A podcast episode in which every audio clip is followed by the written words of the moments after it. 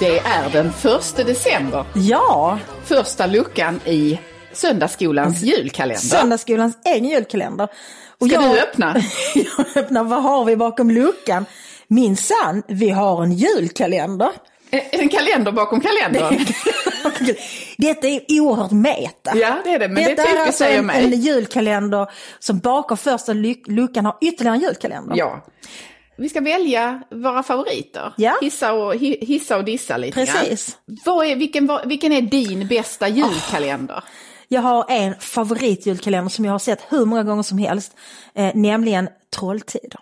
Ah, Kommer du ihåg den? Ja, ja, mycket svagt, men alltså det är slutet på 70-talet och Ja, början du på... är ju lite yngre än jag. Eh, Denna kalender kom 1979 Mm. och den var fylld av julstämning. Det var gnistrande snö, det var knarrande fotsteg, det var tomtar och troll och älvor. Och det var Siv Malmkvist, Ja, det var Siw Malmkvist. Och jag älskade Dorabella. Elvan va? Eller, Ja, precis. Den fantastiska Elva med sitt trollspö eh, som gick omkring och var så, så söt och så eterisk och långt blont lockigt änglahår och en vit eh, skir klänning som liksom svävade Ja. runt henne. Men det var inte Siw Malmkvist som spelade eh, eh, Dorabella utan det var en annan. Ja, det var det. det, för- Lena Pia Bernhardsson? Ja det var det, precis. Ja. För, att, för att Siw Malmkvist spelade Marabella. Ja, precis. Eller rättare sagt, så här var det. Den här Pia... Förklara whatever. hela. Ja, Alltså, Pia-människan spelade Dora. Mm. Siw Malmkvist spelade Mara. Och det här var ju då en, en, en liksom fantastiskt snäll och god fe och så var det en ondskefull illvillig. Det var lite Dr. Jekyll svarthet. Mr. Hyde, ja. Men de två, det blev någon slags mix-up där i början så att de blandades personligheterna Mm. Och då blev det Dora-Bella och Mara-Bella. Ja, precis. så hängde det ihop. Ja. Men det jag gillade med den, alltså nu måste jag komma ihåg, detta var 1979, jag är född 70 och 70-talet var mycket mörkt för människor som gillar glamour och glitter. Och redan som barn var jag mycket förtjust i det vackra i Mm. livet.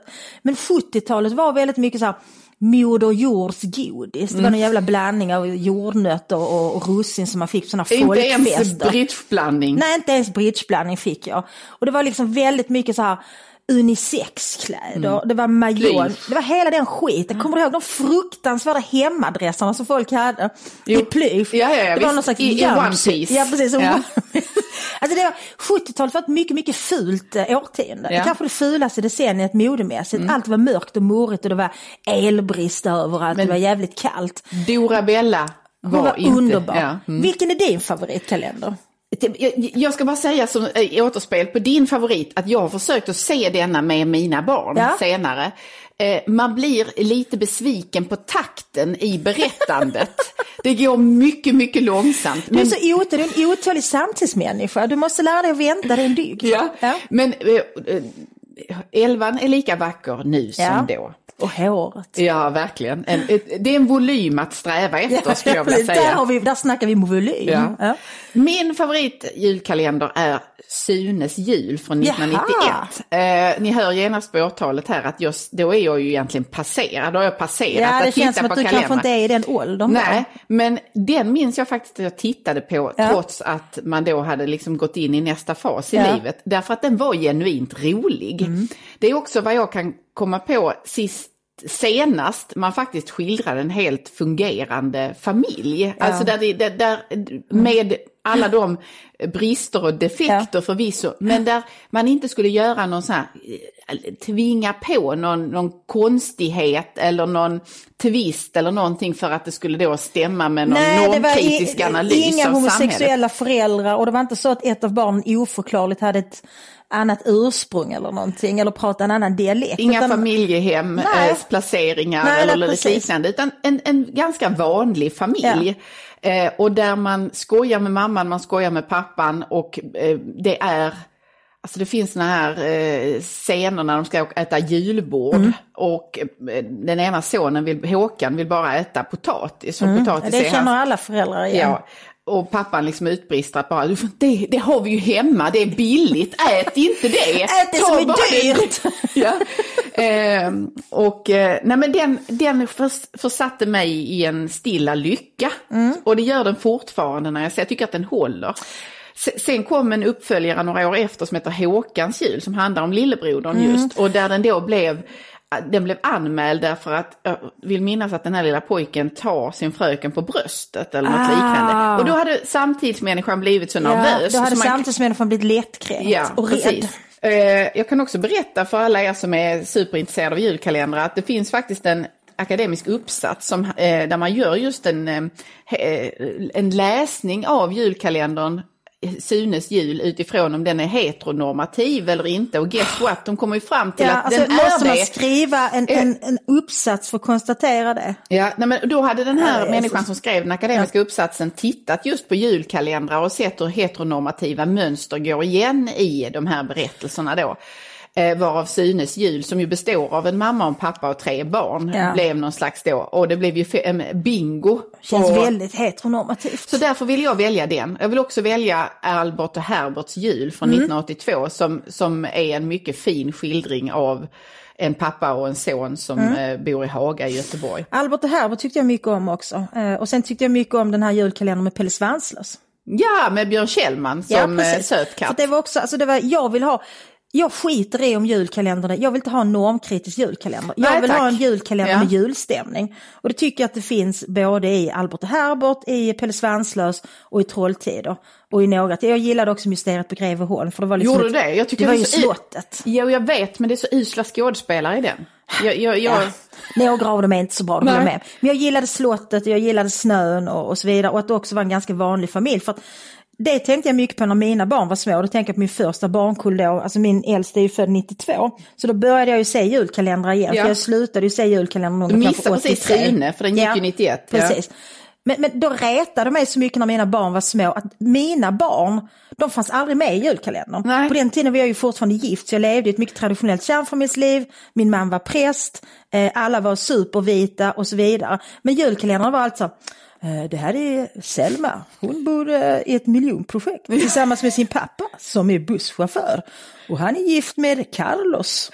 Alltså bara, men liksom please, för det var så att, ja men det var så jävla mycket om representation. Ja. Men majoriteten av alla barn i Sverige blev aldrig representerade i de här Nej. jävla Nej. julkalendrarna Nej, under de här värsta valde- normkritiska perioderna. Ja. Så jag Ja. förstår precis varför du väljer Sune. Men Jag ska också nu välja eh, den sämsta julkalendern. Nu Ja. Nu tänker jag inte ta någon ifrån det tidiga 70-talet därför Nej. att det säger sig själv att de är usla förutom Ja, de den du valde. Och det är väldigt mycket politik i dem och så vidare. Dä- Men däremot dieselråttor och sjömansmöss eh, från 2002 skulle jag säga är en, en julkalenderkalkon av Ja, stora mått. dålig. Där två små barn olyckligt blir eh, förvandlade till eh, möss. Eh, små möss och möter bland annat Sven Wollter som någon slags råttkung och En Lasse Brandeby. råttkung. Ja, den, eh, alltså att förlägga en julkalender till en oljetank eh, Ja, på väg till det är inte Göteborg. mysigt. Eh, det är inte mycket julstämning du får för eh, pengarna där. För tv-avgiften. Nej. Nej. Nej men jag kan kontra där med superhjältejul. Ja, Från 2009 och min invändning är, är samma sak. Vad fan är det för julstämning med det? nej. Det är någon slags konstig superhjältegrej. Det är bara fult och dåligt. Ja. Jag vill inte ha sånt. Jag vill ha snö, jag vill ha granar, jag vill ha tomtar. Eh, Jag vill ha julsång, jag vill ha bjällerklang, jag vill ha röda äpplen, jag vill ha tacksamma barn. Det är vad jag vill ha. ja. Ja. Och där vill jag lyfta fram en sentida julkalender som jag tyckte hade allt detta. Selmas. Nej, men jag tyckte jättemycket om Panik i tomteverkstan Ja, ja. med Pernilla Wahlgren. Jag blev helt kär i Pernilla Wahlgren, jag har aldrig varit någon fan av henne. Nej. Men fy fan vad rolig hon var där. Ja.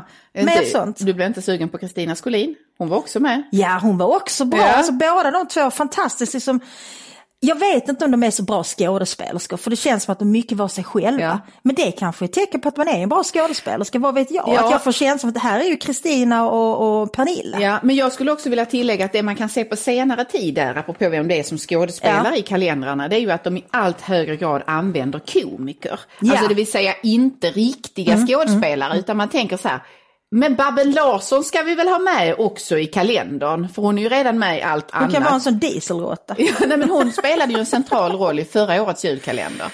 Likaså Ja, det Johan Glans. åh, det var den på HVB. Ja, ja, men vad fan. Ja. Eh, men, men där jag tycker så här att om jag vore skådespelare så hade jag blivit lite gramse över att man då plötsligt använder komiker också i, i, i skådespelande roller. Därför att, Ja, men du vet, komiker kan ju allt. De kan allt om politik. Eh, de kan allt om eh, julkalendrar. Ja. De kan allt om, alltså de, de är bara, de är, det är som att liksom, de är men de är genier fan av inte roliga alltid. Hörni, med dessa, denna, dessa visdomsord. Ja.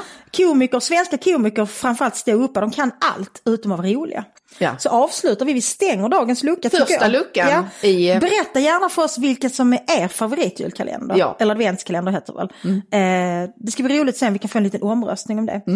Och njut nu av denna första dag av väntan fram till julafton. Ska vi säga god jul eller är det för tidigt? Det får vi inte lov att säga än. Okej, utan ja, vi ja, men säger, säger eh, vi, vi säger ha en fin första december då. håll stilen Håll även denna stilen. dag. Ja. Hej. Klart. Om ni inte kan få nog av oss och våra ljuva skånska stämmor så gå in och stötta oss på patreon.com sundagskolan.se så kan vi spela in ännu mer och ännu bättre program. Och vi kan hitta på en massa roliga saker och berätta om allt i detalj för er. Så stötta oss, Ann och mig. På Patreon. Följ oss på Instagram och Facebook. Snart startar vår stora färgfest med fantastiska erbjudanden för dig som ska måla om. Kom in så förverkligar vi ditt projekt på Nordsjö Idé och Design.